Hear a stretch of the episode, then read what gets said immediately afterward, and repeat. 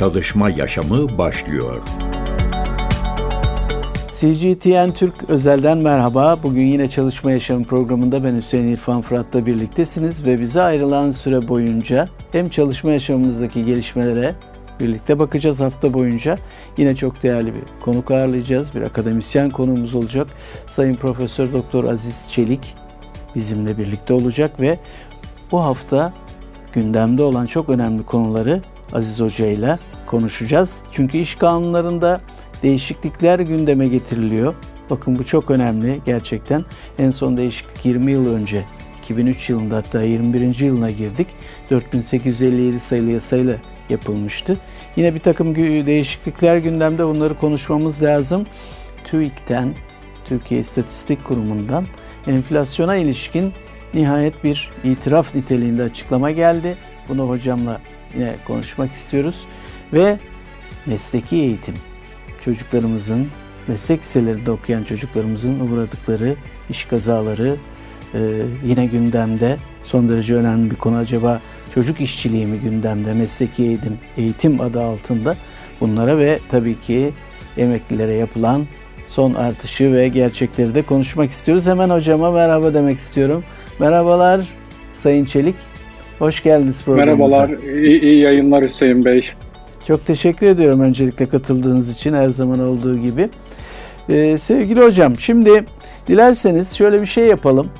Ee, yine step by step devam edelim. Yani e, konuları, konu başlıklarını ben anons ettim belki duydunuz siz de. Ee, bir anda evet, evet. iş kanunlarında değişiklikler konuşuluyordu ama ben bugün e, haberlere de baktım yine. E, aslında toparlama adı altında bir şeylerden söz ediliyor ama yani işte basın iş kanunu, deniz iş kanunu vesaire filan gibi. Ancak işin arka planında sanki esneklik uygulamaları 4857 ile getirilmeye çalışılan ama hala e, işveren tarafını çok da memnun etmeyen örneğin işte e, geçici iş ilişkisi gibi bireysel iş sözleşmeleri, geçici iş sözleşmeleri gibi bir takım konular var gibi geldi bana. Sizin düşünceleriniz ne acaba konuyla alakalı? Şimdi iş kanunlarının birleştirilmesi tartışmasıyla iş kanunlarının ya da iş mevzuatının genel olarak yani hem bireysel iş hukuku hem toplu iş hukuku birlikte düşünmek lazım. Değiştirilmesi meselesi iki ayrı konu diye düşünüyorum ee, ben. Şu anda e, daha çok e, e, bireysel iş kanununun e, 4857'nin basın iş kanununun, deniz iş kanununun tek bir kanunda e, adı, adı altında e, tek bir kanun olarak birleştirilmesi gibi bir şekilde kamuoyuna e, sunuluyor.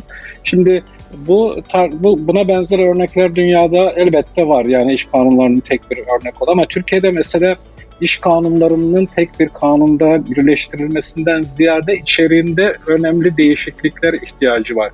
Bireysel iş kanunlarında da toplu iş kanunlarında önemli değişiklikler ihtiyacı var. Şimdi bunun yapılmasının yöntemi e, önce konuşulması gereken hususlardan birisi.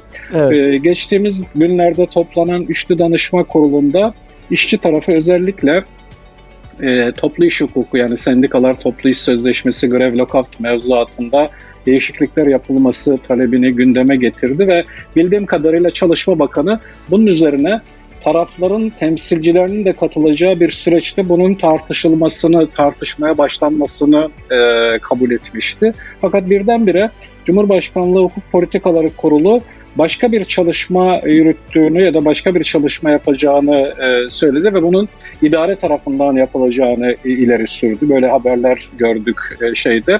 Şimdi her şeyden önce İş kanunlarında gerek biçimsel olarak yani kanunların birleştirilmesi gerek içerik olarak yapılacak olan e, şeylerin, değişikliklerin e, her şeyden önce usulünün demokratik bir biçimde, şeffaf bir biçimde e, şey yapılması gerekir, ortaya konması gerekir ve bu konuda uluslararası standartların uluslararası normların esas alınması e, gerekir diye düşünüyorum. Dolayısıyla tepeden inme, e, yürütme tarafından, idare tarafından tek taraflı bir kanuni düzenleme, hazırlık ya da sonra bunun taraflara sunulması gibi bir şey kabul edilebilir bir durum değildir. Yani e, bir, her gerek biçimsel gerekse esasa dair tartışmaların e, taraflar arasında ve şeffaf bir biçimde yapılması lazım. Bir de yani e, bu kadar uygulamadan sonra Türkiye'de gerek 4857'nin e, gerekse 6356'nın bu kadar uygulamasından sonra ortaya çıkan temel problemler nedir?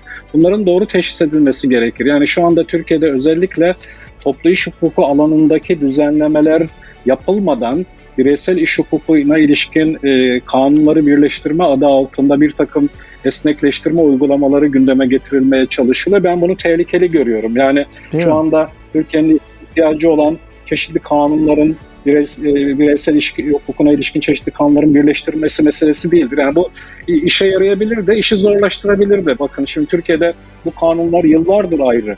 Bu kanunlara ilişkin oluşmuş yargı kararları var, iştihatlar var, doktrin var bunlara ilişkin atıflar, e, madde düzenlemeleri, madde numaraları vesaireler var.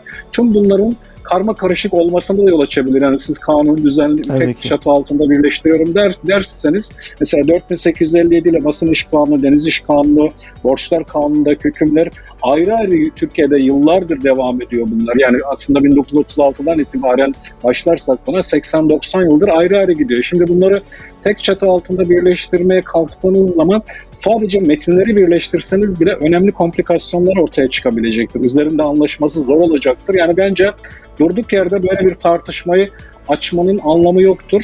E, Türkiye'de asıl ihtiyaç e, sendikalar ve toplu iş sözleşmesi kanununda mutlaka ve hızla değiştirilmesi gereken düzenlemeler vardır. Sendikalaşmayı e, önleyen, uluslararası standartlara aykırı olan düzenlemeler vardır. Başlanacaksa bunlardan başlanması lazım. Zaten sendikaların üçlü danışma kurulundaki şeyi budur. E, talebi budur. Yoksa e, burada bence gecikmiş bir şeyi yani 4857 sayılı kanun yapılırken işverenlerin kabul ettiremedikleri çeşitli düzenlemeleri bunları zaman zaman e, hükümet de dile getiriyor işte belirli süreli iş sözleşmesinin e, genişletilmesi, şey evet. burada gerekçe aranmadan tekrarlanabilmesi gibi yani esnek çalışma uygulamalarının arttırılmasına dönük düzenlemeler biliyorsunuz şeyde de var. Son e, Orta vadeli. var. 2000, orta vadeli programda da var. Hatta bunun 2024-2025 yıllarında buna ilişkin düzenlemeler yapılacağı da var. Bence daha çok bunun bir parçası olarak görüyorum bunu ve ben bunun bir ihtiyaç olmadığı kanaatindeyim. Yani Türkiye'de farklı farklı bireysel iş kanunlarının birleştirilmesi tartışmasını çok elzem bir tartışma olarak e, ihtiyaç olarak görmüyorum.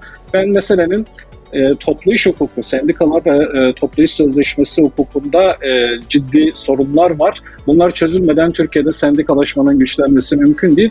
Öncelikle bunların ele alınması gerekir. Yani 12 Eylül kalıntısı, e, evet. uluslararası normlara aykırı düzenlemeler. Mesela e, 6356'nın 43. maddesi e, başlı başına Türkiye'de yani oradaki bir ifadenin çıkarılması bile yani yetkiye yapılan itirazın e, yetki işlemlerini durdurmasına ilişkin cümle bile Türkiye'de sendikalaşmayı ciddi bir biçimde engelliyor. Yani e, sendika örgütleniyor, bakanlığa başvuruyor, yetkisini alıyor. İşveren ya da başka bir sendika itiraz ediyor ve bütün işlemler duruyor. Şimdi bu çok ciddi ve hukuka aykırı bir düzenlemedir bu. Bakın şimdi e, bir idari işlemi düşünün, bir idarenin bir işlemini düşünün. Bu idarenin işlemine karşı siz yürütmeyi durdurma davası açmazsanız ve yürütmeyi durdurma kararı almazsanız o idari işlem ortadan kalkmaz. Ama aynı şekilde Çalışma Bakanlığı bir yetki veriyor. Bu yetkiye ilişkin bir yargı kararı olmadan, bir yürütmeyi durdurma kararı olmadan yetki itirazı yapmakla birlikte şey duruyor, yetki prosedürü duruyor. Böyle bir şey olmaz. Yani burada yapılması gereken tıpkı idare hukukunda olduğu gibi idarenin bir kararını eğer hukuka aykırı buluyorsanız yargıya götürürsünüz, yürütmesini durdurursunuz ya da iptal ettirirsiniz. Yetki işlemi de aynı şekilde bir idari karar olduğu için yetki işlemini de götürürsünüz, e, tedbir kararı aldırabilirsiniz ya da şey yapabilirsiniz, iptal ettirebilirsiniz ama o alınıncaya kadar yetki işleminin, yetki bakanlığın verdiği yetki kararının uygulanması gerekir. Yani bu kadar saçma bir düzenleme olamaz. Yani bütün idare hukuku şeyinin ay- aykırı bir düzenleme var. Yıllardır sendikalar bunu söylüyor. Bu değişmiyor. Şimdi böyle temel düzenlemeleri değiştirmeden ve yetki prosedürünü demokratikleştirmeden şeylerle oynamak, yani bireysel iş kanunlarla oynamak e, bana e, başka şeyler düşündürtüyor. Yani esnek çalışma uygulamalarının e, bu arada şeye mi mevzuata daha geniş bir biçimde Aradan geçirilmesi gibi.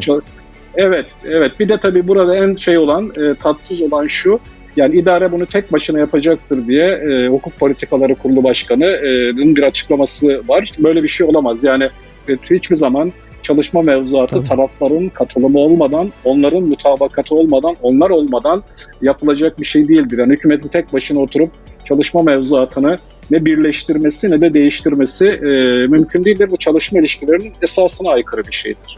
Önemli ölçüde de zedelenmesine yol açabilir çalışma yaşantımızın. Evet evet ben evet, Evet yani burada e, ya ben her yeni düzenleme söz konusu olduğunda yani biçimsel bile olsa o biçimsel biliyorsunuz bazen virgüller bile bazı şeyler Tabii. bile e, nedir e, bağlaçlar bile e, nasıl kullanıldıklarına bağlı olarak kıyamet koparır iş hukukunda. Yani iş kanunun ikinci maddesinde taşeronla ilişkili ve veya e, meselesinin ne anlama ile veya ile meselesinin ne anlama geldiği konusunda Türkiye'de yıllarca sürdü bir tartışma. Dolayısıyla bu birleştirme işi o kadar masum bir iş değil ve ciddi sorunlara yol açabilir. Bence şu anda böyle bir ihtiyaç yok Türkiye'de.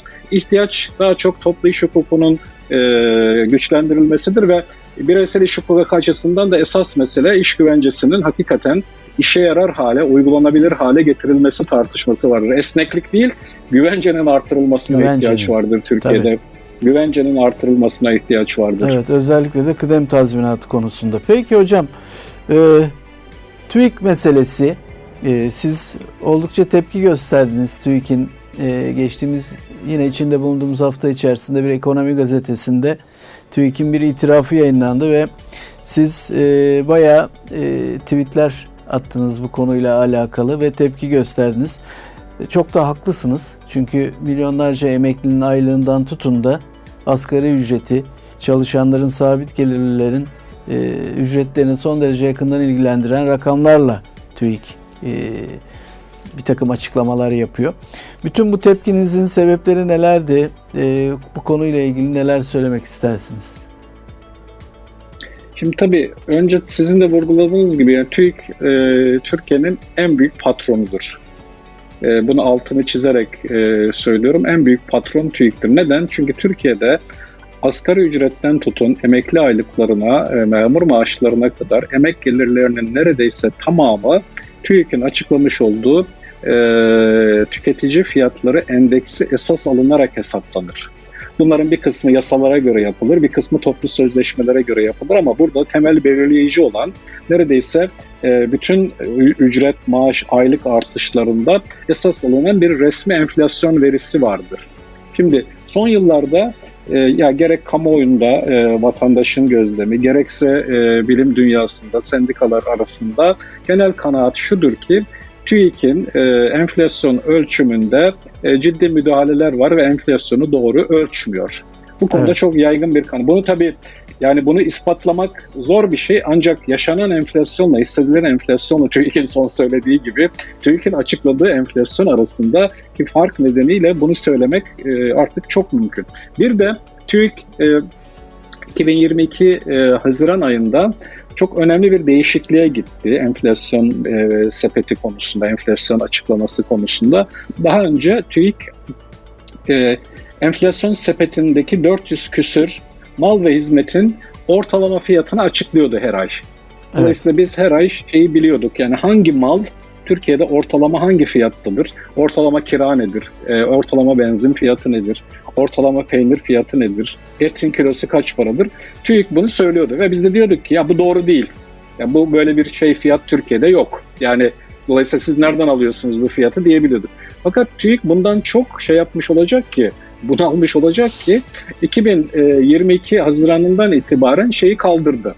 Ee, madde aylık. fiyat listesini kaldırdı. Yani hı hı. aylık evet yani şeyi görmüyoruz artık biz şu anda 400 e, küsür 414 sanıyorum e, mal ve hizmetin tek tek ortalama fiyatını görmüyoruz. Bunun yerine sadece yüzdelik artışları görüyoruz. Yani ayakkabı ne kadar arttı, peynir ne kadar arttı, yüzdelik artışları görüyoruz. Bu tabii şuna yol açıyor.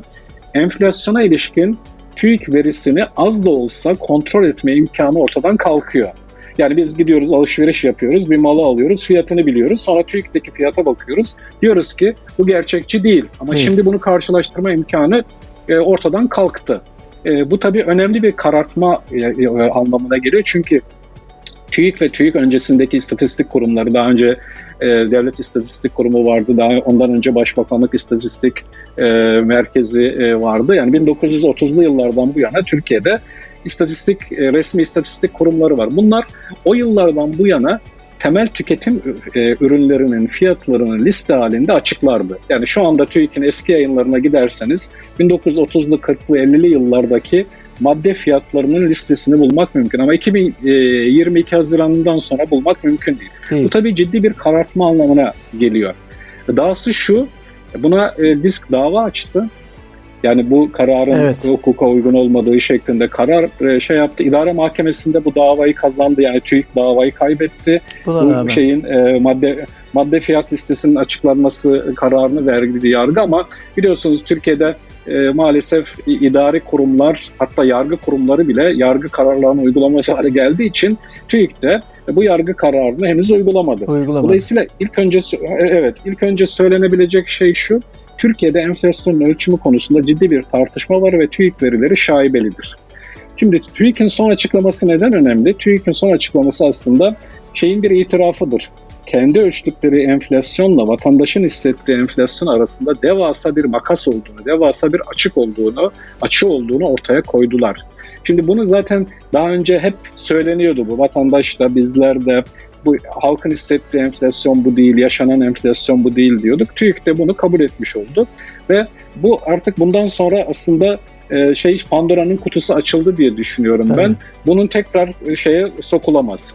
Dolayısıyla yapılması gereken şey şu bir TÜİK e, enflasyonu daha şeffaf ölçmeli, madde fiyat listesini açıklamalı ve güvenilir bir enflasyon hesaplaması olduğunu kamuoyunda kabul ettirmeli. İkincisi de Avrupa'da bunu Avrupa Merkez Bankası 20 yıldır yapıyor, başka ülkelerde yapılıyor. Bu konuda çok geniş bir literatürü var. Hissedilen enflasyon, beklenen enflasyon ve ölçülen enflasyon diye ayrımlar var. Şimdi hissedilen enflasyon şeye göre değişir e, vatandaşın gelirine, harcama kalıbına göre değişir. Türkiye'de TÜİK tek bir enflasyon ölçüyor. Şimdi bir an için bunun doğru olduğunu kabul edelim. Yani TÜİK'in hiçbir hile hurda yapmadan enflasyonu doğru ölçtüğünü kabul etsek bile yani şu andaki enflasyon ölçümünde hiçbir şaibe söz konusu olmasın. Doğru ölçtü diyelim. Bilimsel esaslara uygun. Bu gerçek enflasyonu yansıtmaz. Halkın yaşadığı. Tabii. Neden? Çünkü gelir gruplarına göre enflasyon farklılaşır. Şimdi TÜİK yaklaşık söylüyorum gıdanın payını %25 alıyor şeyde enflasyonda.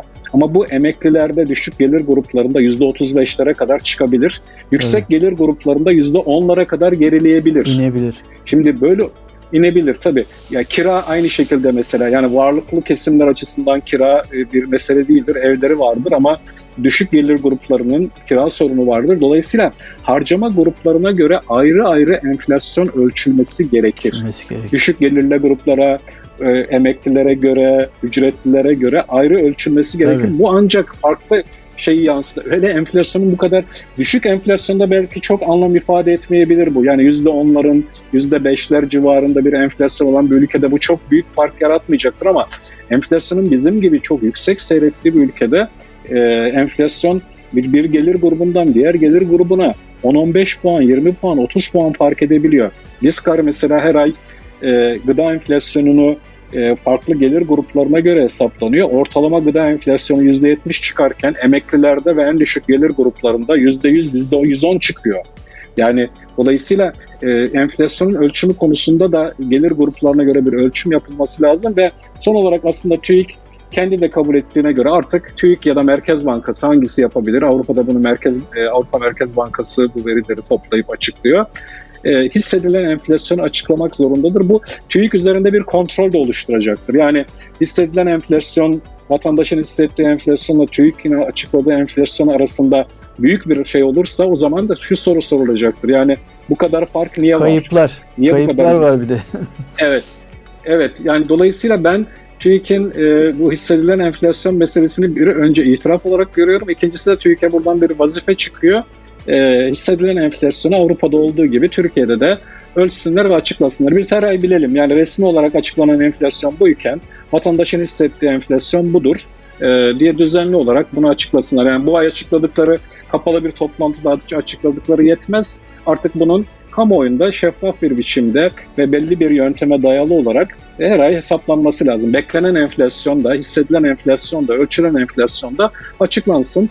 E, ak koyun kara koyun görülsün e, bence. TÜİK e, bilmeden bir hayırlı iş yaptılar bence. Yani bu işi ben şey görüyorum. E, önemli bilmeden görüyorum. Belki yaptıklarını mı değerlendiriyorsunuz? E, bilmeden mi oldu diyorsunuz? Yani e, e, ya da şeyi yani kendilerini atlamak için yaptılar. Kendi enflasyonlarını e, düşük e, kamuoyunda algılanan enflasyonu yüksek olduğunu belki bunu şey yapmak için haklı göstermek için yaptılar ama her ne yaptılarsa bence ortaya çıkan sonuç şudur.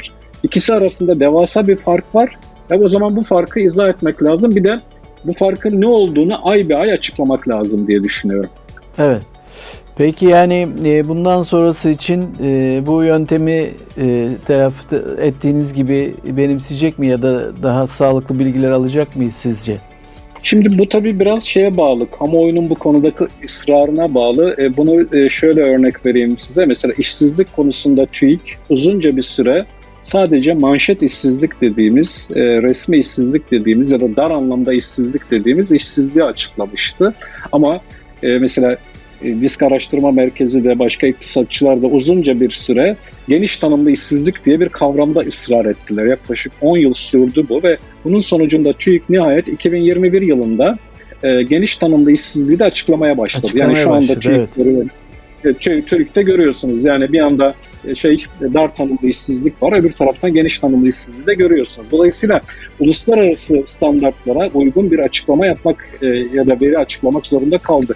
Biraz kamuoyu baskısına bağlı bence bu. Yani TÜİK nasıl işsizlik konusunda sıkıştı ve sonuçta bunu değiştirmek zorunda kaldıysa enflasyon konusunda da bence sıkışmış durumdalar. Ciddi bir güven kayıpları söz konusu. Ee, burada da hem enflasyonun doğru ölçümü ve bu madde fiyat listesinin açıklaması konusunda hem de e, yaşanan enflasyon, hissedilen enflasyon meselesinde e, ben kamuoyunun baskısına ve şeyine ısrarına bağlı olarak bu konuda değişiklikler olabileceğini düşünüyorum. Düşünüyorsunuz.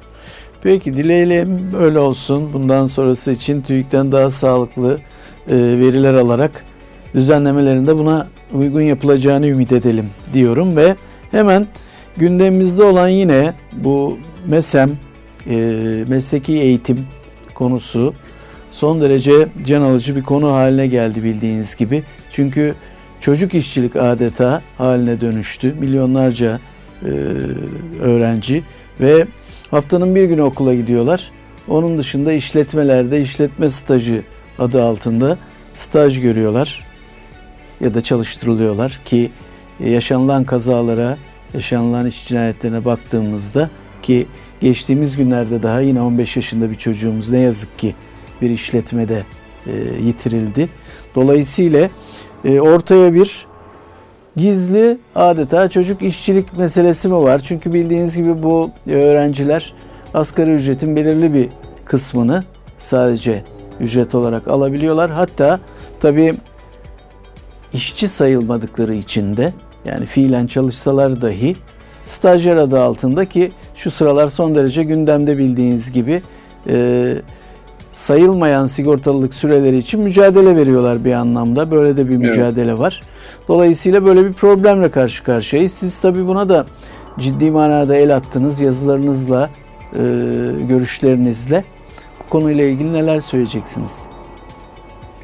Şimdi bu mesleki eğitim meselesi hakikaten sizin vurguladığınız gibi Türkiye'de e, bir çocuk işçiliğini yasallaştırmak ve ucuz iş gücü, ucuz emek e, sömürüsü e, haline gelmiş e, durumda. Yasallaştırma nasıl? Evet tabii e, kağıt üzerinde bunlar iş kanununa tabi anlamda işçi değiller. E, dolayısıyla sadece e, nedir iş kazası ve meslek hastalıkları sigortaları ödeniyor.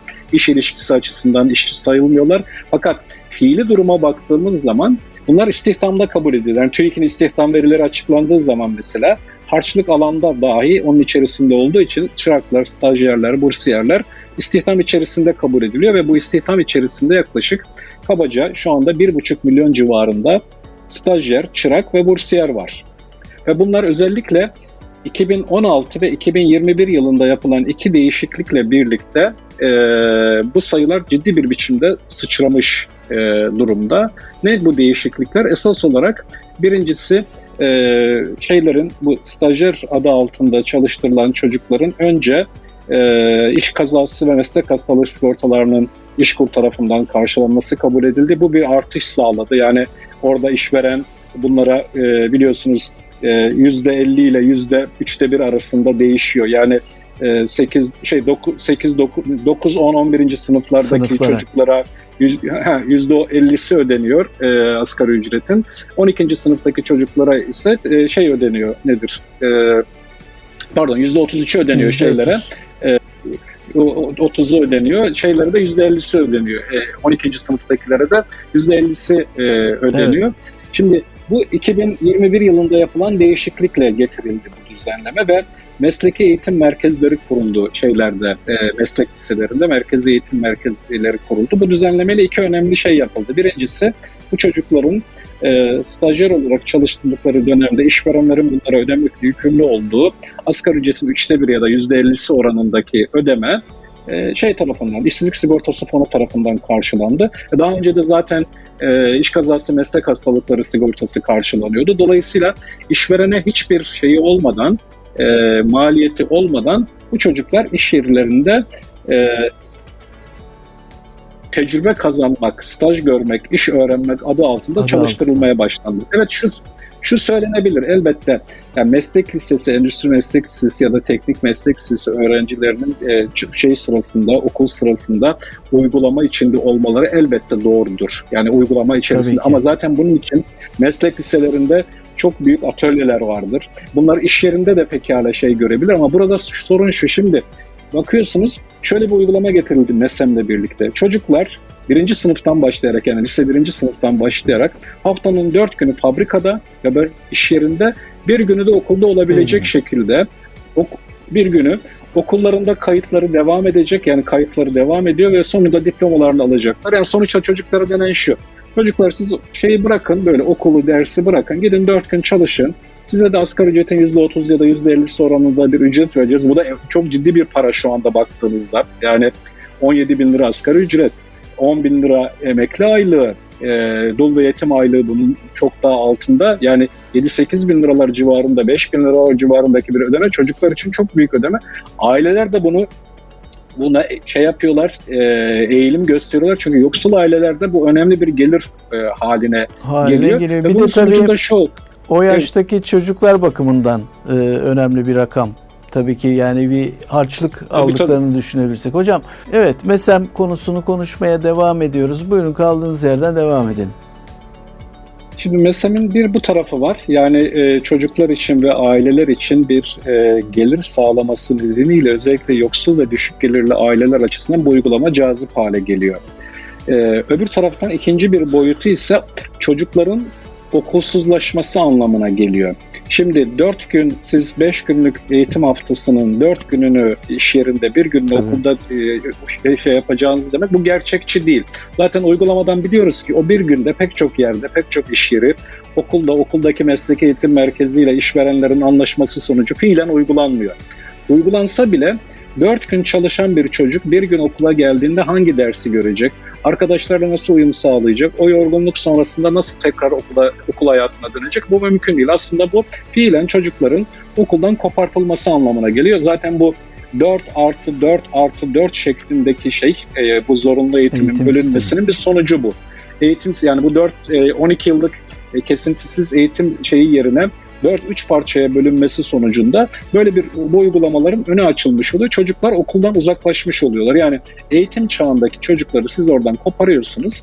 E, meslek eğitim adı altında, staj adı altında fiilen artık şeye yolluyorsunuz. Fabrikaya, iş yerine yolluyorsunuz. Yani üniversite şansları da azalıyor değil mi sevgili hocam? Üniversite şansları azalıyor, da çocukların. Azalıyor. Zaten yani hayır zaten bu üniversitelerin ümidini kesmiş olmak bu. Yani evet. elbette her her e, meslek lisesi ya da her lise mezunu üniversiteye gitmek zorunda değil. Bazı meslek lisesi mezununa ve mesleki kendi mesleğini iyi yapan insanlara ihtiyaç var. Ancak tabii, tabii. bunların temel eğitim, temel eğitim, temel kültür derslerini almaları ve okulda bu eğitimi görmeleri ve okulda sosyalleşmeleri gerekiyor. Siz çocukları çocuk yaşta 15 yaşında, 14 yaşında mesela geçen e, hayatını kaybeden çocuk e, 14 e, yaşındaydı Arda.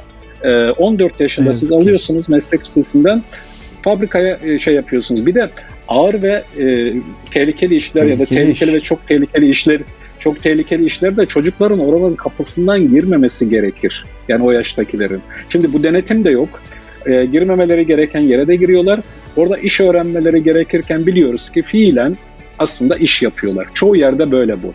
Yani mesleki eğitim adı altında e, pek çok yerde bu çocuklar fiilen iş yapıyorlar. Çünkü orada e, bunların şeyi e, ödeniyor nedir? E, ücretlerin e, şey tarafından ödeniyor. E, iş işkur tarafından işveren açısından bedava iş gücü ve bir süre sonra onlar başka işçilerin yerine ikame ediliyorlar. Şu anda 1,5 milyon civarında bir sayı var. Bu da çok ciddi bir sayı. Yani Türkiye'de kayıtlı işçi sayısı 16-17 milyon. Siz bunun %10'u tabii. stajyer, çırak ve bursiyer adı altında çalıştırmış oluyorsunuz bunları. Bu da tabii aynı zamanda şu anlama geliyor. Bir başka tarafı da bunun kamu kaynaklarından yani işçilerin ödemiş olduğu primlerden, işsizlik sigortası kaynaklarından siz işçi maliyetini, işverenin Tabii işçi maliyetini ödemiş oluyorsunuz. bir anlamda. Finanse, finanse, finanse ediyorsunuz, kaynak aktarıyorsunuz buraya. Yani dolayısıyla bu cazip hale geliyor. Yani bu kadar büyümesi. Eski Milli Eğitim Bakanı e, bu 2001'deki yasanın ardından 2023'te bir açıklama yaptı. Mealen şöyle söyledi, 166 bin kişi yaklaşık vardı dedi şeyde e, mesleki eğitimde öğrenci vardı. Şeyden sonra 1 milyon 400 bin civarına çıktı yasadan sonra. Şimdi yani neredeyse 7-8 kat, 9 kat bir artış söz konusu mesleki eğitim kapsamında. Bu da aslında çocukların okuldan uzaklaşması anlamına geliyor ve çocuk işçiliğin bir tür yasalaşması anlamına geliyor. Yani bunlar işçi kabul edilmedikleri için savunma şey oluyor. Bunlar zaten işçi değiller şeklinde oluyor ama fiilen işçilik yapıyorlar. Fiilen çalışıyorlar. Dolayısıyla şeyi delmenin e, yollarından birisi oluyor. Hele son örnek 14 yaşındaki çocuk biliyorsunuz 15 yaş altında e, zaten çalıştırılması istisnai haller dışında evet, evet. E, mümkün değil ama 14 yaşındaki çocuğun metal fabrikasında yani e, tehlikeli ve çok tehlikeli işler kategorisinde sayılan bir yerde çalışması zaten başlı başına bu örneği verir. Bunlar tabii yaşandığı için bildiğimiz örnekler, bilmediğimiz çok sayıda böyle e, örnek söz konusu. Bazen kamuoyunda e, şeyler ortaya çıkıyor, kimi protokoller ortaya çıkıyor, tepki üzerine iptal ediliyorlar ama meslek eğitim meselesi, yani Türkiye'de meslek sesi, mes, e, memleket meselesi deniyordu, şeye dönmüş vaziyette. Hayat memat meselesine dönmüş vaziyette ve ki. aslında e, eğitim, yani çocukların okuldan ve eğitimden uzaklaştırılmaları anlamına geliyor. Çocuk yaşta yani elbette meslek liselerinde gene staj olacak, uygulama olacak ama esas olan o çocukların o okulda eğitimlerini devam ettirmeleridir. Bu böyle olunca öğrencilikten fiilen kopuyorlar. Düşünün şimdi haftanın 5 günü okulda olan akranıyla sonra bir gün okula giden çocuğun arasındaki ilişkiyi düşünün. Mümkün değil. Yani uyum Kesinlikle. gösteremez, herhangi bir şey gösteremez. Zaten uygulamada da baktığımızda MESEM uygulamalarında MESEM kapsamındaki çocuklarla eğitime devam eden çocuklar arasındaki ilişki kopmuş vaziyette ve e, zaten okula çok fazla gelmek istemiyorlar. İdare onları idare ediyor. Yani okul idareleri onları idare ediyor. Fiilen 5 güne çıkıyor. Yani okulda hiçbir ilişkileri olmadan, gelmeden gitmeden sonuçta diploma veriliyor onlara. Böyle tuhaf bir ucuz iş gücü sistemi üretti maalesef Adalet Kalkınma Partisi. Yani bu konudaki yasal değişiklikleri yaparak. Yani 3 tane aşaması var aslında bunun. Eğitimi, 12 yıllık eğitimi 3'e böldüler. Arkasından evet. e, 2016'da iş kazası ve meslek hastalıkları sigortasını, işsizlik sigortasından şey yaptılar, ödediler. En sonunda 2021 yılındaki düzenlemeyle fiilen meslek liselerinin önemli bir bölümünü şeye dönüştürdüler. Ucuz iş gücü kaynağına dönüştürdüler. Bunun tabii yani bu iktisadi ve sosyal e, boyutları yanında e, bu örnekte gördüğümüz gibi vahim insani boyutları da var. Yani iş cinayetlerine de yol açıyor. Çocuk giderek daha fazla çocuk işçinin, çocuk yaştaki işçinin iş cinayetlerinde yaşamını yitirdiğine örnek olmaya, e, onu görmeye başladık. Tabi burada bakanlığın da etkin bir denetimine ihtiyaç var. Çalışma ve Sosyal Güvenlik Bakanlığı'nın. Öyle değil mi? Ama bakanlık biliyorsunuz yani normal şeyi normal iş teftişinde bile ciddi zaafları var. Yani iş teftişini bile o hale e, geldi etkin bir biçimde yap, e, ya yapmıyorlar hatta bundan kaçınıyorlar. Yani iş teftişinin caydırıcı olacağını düşünerek pek çok zaman iş müfettişlerini e, iş teftişi konusunda caydırıyorlar. E, bunun için şimdi şöyle düşünün yani 150-200 bin civarında stajyer çalışırken bir buçuk milyona çıktı. E sizin bunu denetleyecek şeyinizin de bu bu hızda artması gerekir. Yani bu Tabii, yani bu çocuklar nasıl çalıştırılıyor? Bu çocuklar gerçekten staj mı yapıyor? Velev ki hadi şeyi Yani ben bu uygulamayı doğru bulmuyorum. Dört güne bir gün uygulamasını ve devletin bunu finanse etmesini doğru bulmuyorum ama velev ki bunu uyguladınız. Peki bunu nasıl denetliyorsunuz? Kötüye kullanılıyor mu? Tabii. Çocuklar orada gerçekten işçi olarak mı çalıştırılıyor, iş mi öğretiliyor onlara? E, yasak olan işlerde çalıştırılıyorlar mı? Bunun denetlenmesi lazım. Üstelik daha fazla denetlenmesi lazım çünkü çocuklar daha kırılgan bir grup. Yani yetişkinlerdeki şeyden daha fazla denetim lazım burada. Yetişkinler belki kendilerine karşı bir hukuksuzluk yapıldığında, tehlike olduğunda buna itiraz edebilirler. Çocuklar edemeyebilirler. Dolayısıyla burada denetimin daha yoğun olması lazım. Ama maalesef bu yönde bir e, şey e, nedir? Denetim kapasitesini de görmek mümkün değil bence. Evet. Evet. E, yani bu konumuzu da böylece e, tamamlamış olduk. E, dileyelim ki çocuklarımız yitirilmesin e, işletmelerde staj adı altında ve e, aslında temel amacı e, ara eleman yetiştirmek diye adlandırılır. Türkiye'nin çok ciddi bu konuda ihtiyacı var. Ara eleman problemi var Türkiye'nin gibi ama e, sistematik bir biçimde gelinen nokta ucuz emek haline dönüşmüş olan çocuk işçiliği gibi görünüyor ne yazık ki. Şimdi hocam tabii bugünkü konularımızın e, sonuncusu sizinle işleyeceğimiz emeklilerin e, emekli aylıkları meselesi bildiğiniz gibi. E, enteresan bir biçimde e, dün zannediyorum değil mi? E, yine ilave evet. bir e, bir ilave ile birlikte 37,5'tan önce işte 42 40, 49'a kadar gelindi sonunda. Ama kazın ayağı öyle de değil. Siz emekli aylıkları üzerinde son derece çalışan bir bilim insanısınız. Hatta Sosyal Güvenlik Kurumu'yla davalık bile oldunuz. Sosyal Güvenlik Kurumu evet. emekli aylıklarını açıklamak konusunda e, size güçlük çıkarttı. Bilimsel çalışmalarınıza engel oldu. Siz mahkeme yoluyla e, gerçek emekli aylıklarına ulaşabildiniz. E, ve bu konudaki çalışmalarınız da devam ediyor ve konuyu çok yakın takip ediyorsunuz. Şu anda gelinen noktaya baktığımızda da yine sizin bugünkü e, tweetlerinize de sabahleyin tabii ki baktım. E, işçi ve ne diyorsunuz? Tablonuzu da tabii bu arada e, görüyorum elimdeki e, tweetinizde. İşçi ve Bağkur emeklilerine %42.6 yerine %49.25 zam yapılması düşük aylık alan milyonlarca emekliyi etkilemeyecek. Böyle bir gerçek var. Milyonlarca emekli 10 bin lira emekli aylığı almaya devam edecek diyorsunuz. Buyurun. Nereden başlamak istersiniz emekli aylıkları meselesine? Evet, emekli aylıklarına nereden başlayalım hakikaten yani Türkiye'nin e, belki de en e, önemli ve en e, dramatik şeylerinden birisi. çünkü Türkiye'de emekliler en büyük toplumsal gruplardan birisi. Yani 16 milyona yaklaştı şu anda emeklilerin ve emekliler ve hak sahiplerinin sayısı.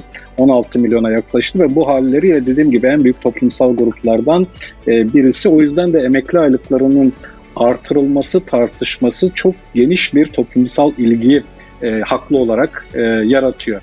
yaratıyor. Şimdi bu konuda tabii e, önce şunu söylemek lazım emekli aylıklarının bu kadar tartışılıyor olmasının arkasındaki gerçeği not etmeden aslında bu tartışma yapılamaz. Bunun arkasındaki gerçek 5510 sayılı yasadır. Yani 2006'da çıkarılıp 2008'de önemli revizyonlarla şey yapılan, yürürlüğe sokulan 5510 sayılı Evet 5510 sayılı yasadaki düzenlemelerdir. Nedir bu düzenlemeler? İki tane ana şeyi var.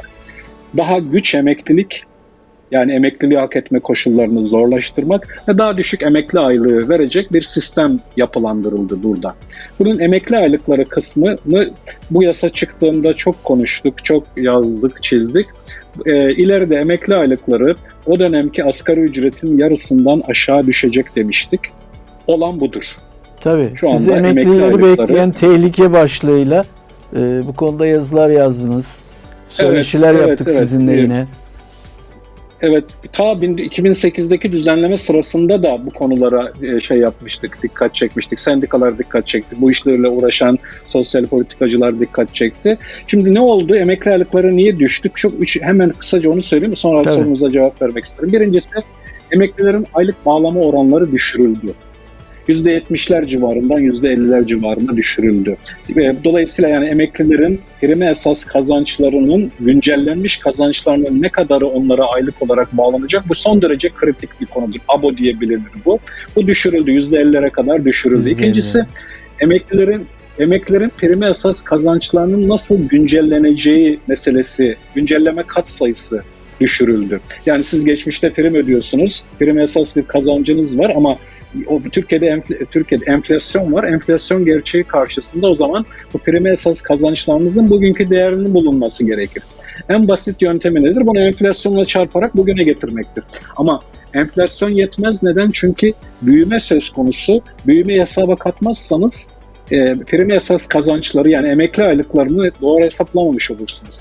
2008'e kadar e, büyümenin %100'ü yani enflasyon artı büyümenin %100'ü hesaba katılıyordu. Yani ülke mesela %5 büyüyorsa şeyler emekli aylıklarında reel olarak %5'lik bir artış olurdu bu yıl.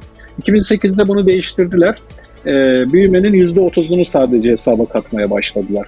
Bir başka husus emekli aylıklarında alt sınır vardı. %70 e, bu %60 oldu, %70 oldu ama e, bir alt sınır vardı. Bunun altına düşemez. Yani prim esas kazancın %60'ının şu anda da bunu en son asgari ücret olduğu için prim esas kazancın alt sınırı %70'i asgari ücret gibi düşünün. Asgari ücretin %70'inin evet. altına düşemez.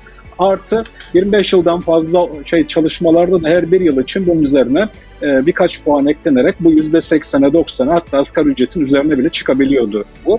Bunu kaldırdılar. Şu anda %35-40 şeyine indirdiler bunu. Yani e, alt bandına. sınırı %35-40 e, bandına indirdiler. Yani bakmakla yükümlü olan birisi varsa %40 yoksa %35'e indirdi. Bu da şu anlama geliyor. Çok basit söyleyeyim. Asgari ücreti %35'ini düşünün. Yani %35'ine kadar düşürülmesine müm- imkan veren bir düzen. Tabii kısmi aylıkta bu daha da düşebilecektir. Dolayısıyla son olarak da emekli aylıklarının artırılması yani hesaplamayı yaptınız bu şekilde bir de her yıl nasıl artacak? Demin şimdi konuşacağımız konu. Tabii. Yani enflasyon oranında resmi enflasyon oranında artırırsanız büyümeden pay vermezseniz emekli aylıkları düşer. Bütün bunun sonucunda emekli aylıkları 2020'li yıllara geldiğinde ciddi biçimde düşmeye başladı. Yani 2002'de yaklaşık asgari ücretin %35-40 üzerinde olan ortalama emekli aylıkları emekli 2020'lere geldi e, geldiğimiz zaman asgari ücretin %35-40 bu sefer altına inmeye başladı. Böyle olunca e, AKP hükümeti yeni bir şey ke, maymuncuk keşfetti. Tamamlama işlemi. Yani asgari şey yerine e, emekli aylıklarının de çok düşmesi yerine bu sefer dediler ki emekli aylıkları 1000 liradan az olursa 1000 liraya tamamlanacak. 1500 lira, bunu işte her yıl bunu kademe kademe artırdılar. 1000 lirayla başladı şu anda 10 bin liraya çıktı bu şey. Şimdi e, dolayısıyla şu anda Türkiye'de emekli aylıklarının hesaplanması sisteminde bir garabet söz konusu.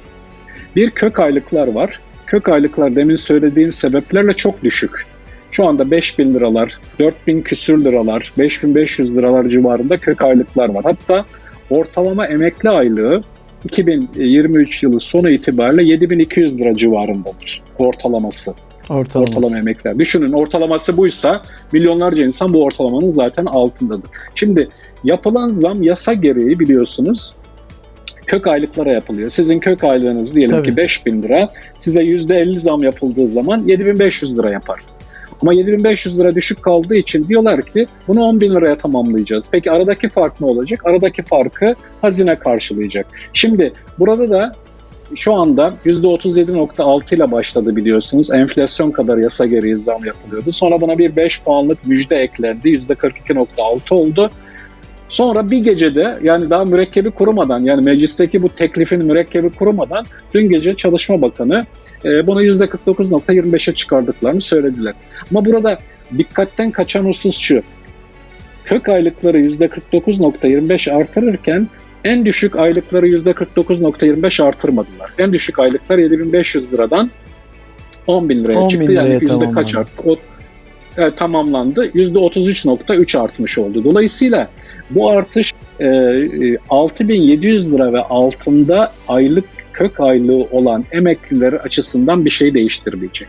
Onlara gene %33.3'lük artış olacak. Çünkü 7 bin lira alıyorlardı, şey 7500 lira alıyorlardı. 6700 lirayı yüzde yuvarlatıp söyleyeyim %50 artırırsanız 10 bin lira yapar. 10 bin lira almaya devam edecekler.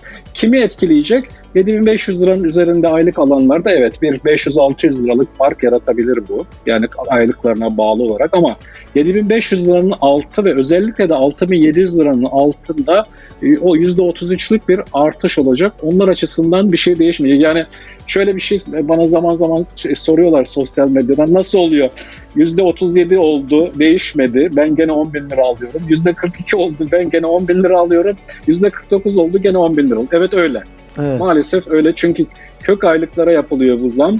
Ee, en düşük aylıklara, tamamlanan aylıklara yapılmadığı için e, bu değişikliğin ben e, milyonlarca emekli açısından bir fark yaratmayacağını söylüyorum. Tabii tuhaf olan şu tabii burada siyasal açıdan tuhaf olan şu. Bir siyasal iktidar, bir devlet emeklilerin şey artışlarını nedir, aylık artışlarının ne olacağını tek seferde çıkar açıklar der ki emeklilerin durumu budur, emeklilere artış bu kadar olacaktır. Türkiye'de anketlere bakılıyor ve tutum değişiyor. Tepkiye bakılıyor, tutum değişiyor. E, emeklilere 5 bin lira şey e, 100. yıl ikramiyesi biliyorsunuz aynı şekilde oldu. Yani çalışan emeklilere vermiyoruz dediler. İzahı yok, eşitsiz, eşitlik ilkesine aykırı. Sonra tepki oldu. Ha, geri adım attılar. İzahı yok ama niye geri adım attınız? Niye zamanda yapmadınız? Şimdi aynı şekilde meclise verdiğiniz önergenin imzası mürekkebi kurumadan çıkıp %49'a çıkardınız. Bu tabii bunun sebebini hepimiz biliyoruz. 31 e, Mart bunun evet. E, sebebi. Ama bu tabii emeklileri ciddi bir biçimde hayal kırıklığına uğratıyor, emeklileri şaşırtıyor ve emekli aylıklarının aslında bu derece laçkalaşması e, çok üzücü. Yani emekli aylıklarının bir sosyal güvenlik sisteminin en önemli unsurudur emekli aylığı ve emekliler toplumun çok ciddi bir bölümünü oluşturuyorlar. Kesinlikle. Bunların insanca yaşayacak bir ücret seviye şey aylık seviyesine mutlaka ulaştırmaları ulaştırılmaları gerekiyor. Bu da böyle yamalarla maalesef olacak iş değil diye olacak düşünüyorum. Iş değil. Köklü bir değişiklik gerekiyor. Peki. Evet evet köklü bir değişiklik. Peki. Çok teşekkür ediyorum sevgili hocam. Ee, bugün bizimle birlikte olduğunuz için. Gündemdeki ben çok önemli ederim. konuları detaylı bir şekilde konuştuk tahmin ediyorum. Ee, tekrar teşekkürler. Bir başka programda yeniden birlikte olmayı ümit ediyoruz sizinle. Sağ olun açıklamalarınız için. Ben teşekkür ederim. Tekrar hoşçakalın. Evet, sevgili CGTN Türk e, izleyicileri, takipçilerimiz. Bugün Profesör Doktor Aziz Çelik Hoca ile birlikte olduk. Kendisi bir akademisyen ve yazar aynı zamanda.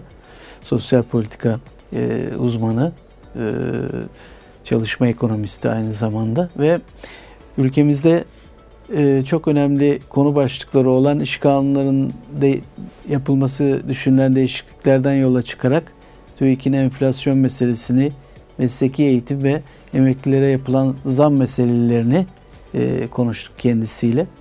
Bize ayrılan sürenin böylece sonuna gelmiş olduk. E, ben zurlarınızdan bu hafta ayrılırken bir başka Çalışma Yaşamı programında yeniden sizlerle birlikte olmak ümidiyle hoşçakalın diyorum.